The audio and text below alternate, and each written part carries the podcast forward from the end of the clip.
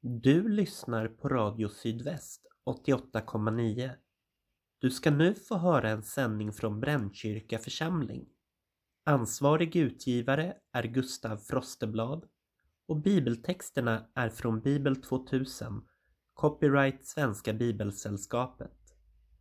Kom ihåg att Brännkyrka församling också finns som podcast och du hittar oss där de flesta podcasts finns.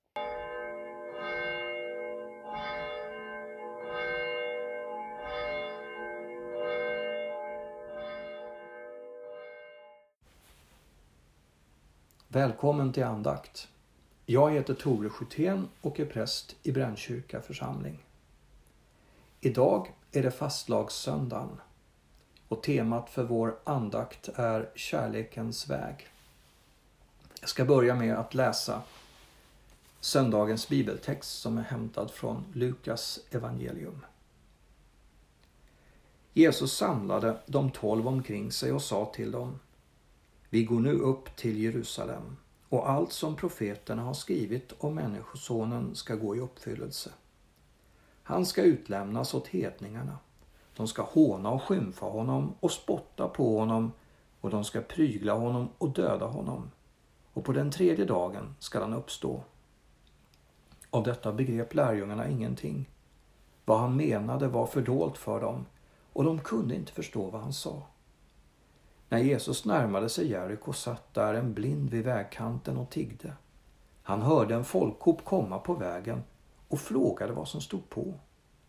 Man talade om för honom att Jesus från Nasaret gick förbi och då ropade han Jesus, Davids son, förbarma dig över mig.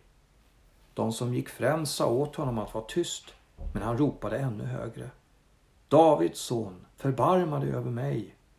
Jesus stannade och sa till dem att leda fram honom och då mannen kom närmare frågade Jesus. Vad vill du att jag ska göra för dig? Han svarade. Herre, gör så att jag kan se igen. Jesus sa. Du kan se igen. Din tro har hjälpt dig. Genast kunde han se och han följde med Jesus och prisade Gud och allt folket som såg det sjöng Guds lov. Idag är det alltså fastlagssöndagen som inleder en period på 40 dagar. En period som vi kallar för fastan. Och den här perioden den kännetecknas av allvar, eftertänksamhet och avhållsamhet. Och egentligen så börjar väl inte fastan förrän på askonsdagen. Alltså den onsdag som kommer närmast efter fastlagssöndagen. Det är ju då vi tecknar ett kors i pannan om man nu vill göra det med aska som ett tecken på att man går in i den här fasteperioden. Se, vi går upp till Jerusalem. De orden är hämtad från en av de mest kända psalmerna som hör till just den här perioden och som man också brukar sjunga på fastlagssöndagen och under fastan.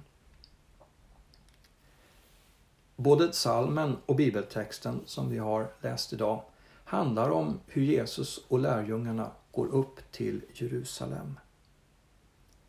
Det är en ganska rejäl klättring på flera hundra meter eftersom staden Jerusalem ligger högt över havsnivån. Också vi har en ganska rejäl uppförsbacke just nu.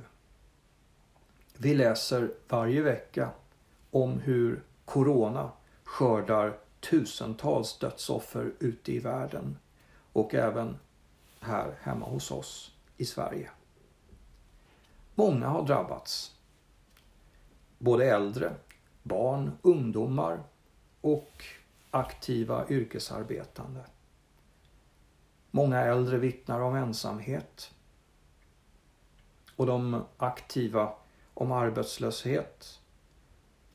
Ungdomar, de som går på gymnasium och studerar på universiteten, måste delta i undervisningen via distans och får inte träffas. Många barns aktiviteter är nedstängda. Och även näringslivet och kulturbranschen har drabbats väldigt hårt. Ja, det är en tuff tid och en rejäl uppförsbacke som vi har framför oss. När Jesus pratar med lärjungarna om vad som väntar honom i Jerusalem så förstår de inte riktigt vad han menar.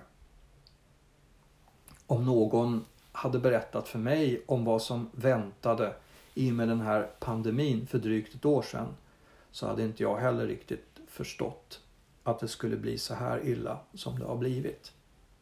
Det kan vara svårt att veta hur svårt det egentligen kommer att bli. Men Jesus, han visste vad som väntade honom. Men han kunde inte vända om. Och så kan det också vara för oss.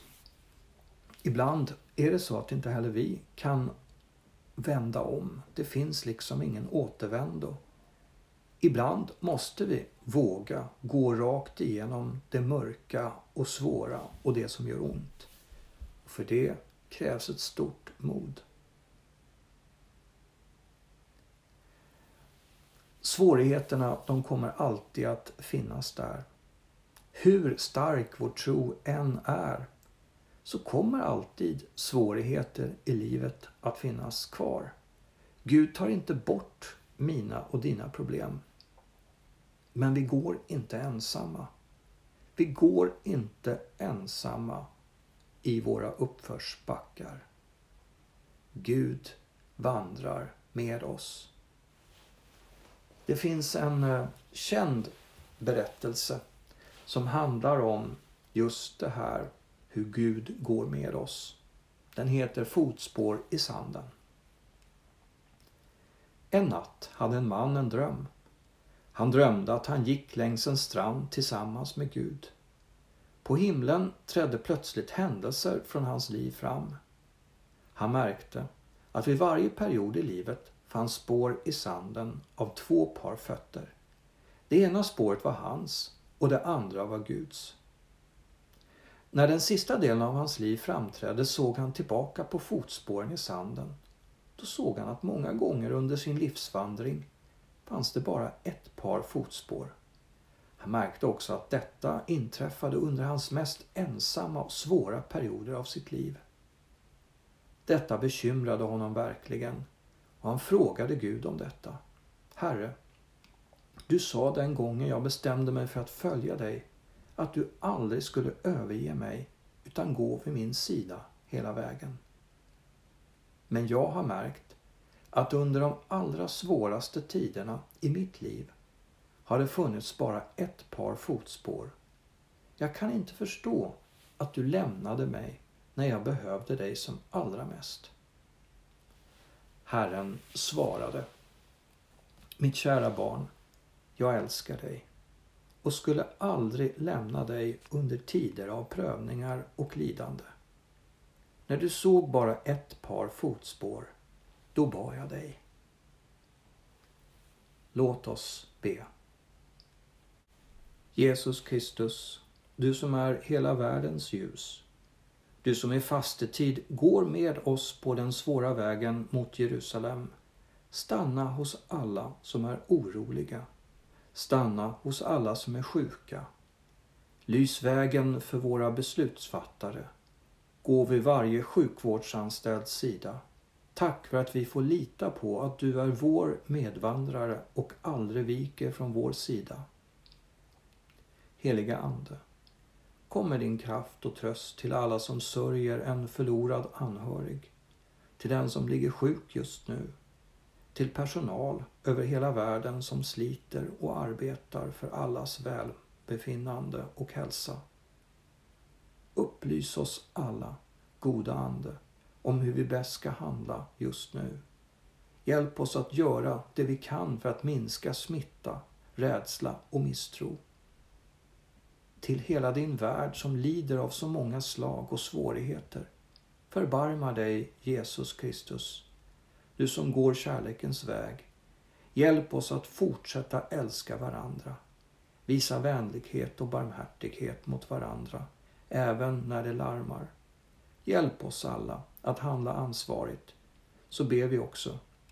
Förbarma dig över oss alla, du som går kärlekens väg, du som kämpar kampen och besegrar allt mörker.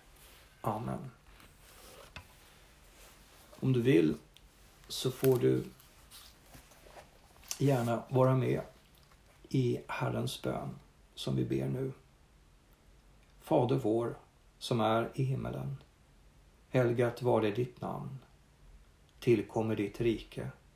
Ske din vilja så som i himmelen så och på jorden. Vårt dagliga bröd giv oss idag.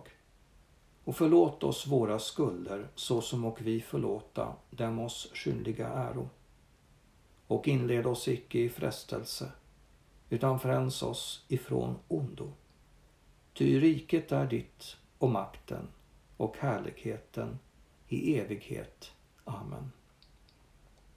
Ta emot Herrens välsignelse. Herren välsigne dig och bevare dig. Herren låter sitt ansikte lysa över dig och vare dig nådig. Herren vänder sitt ansikte till dig och giver dig frid. I Faderns och Sonens och den helige Andens namn. Amen.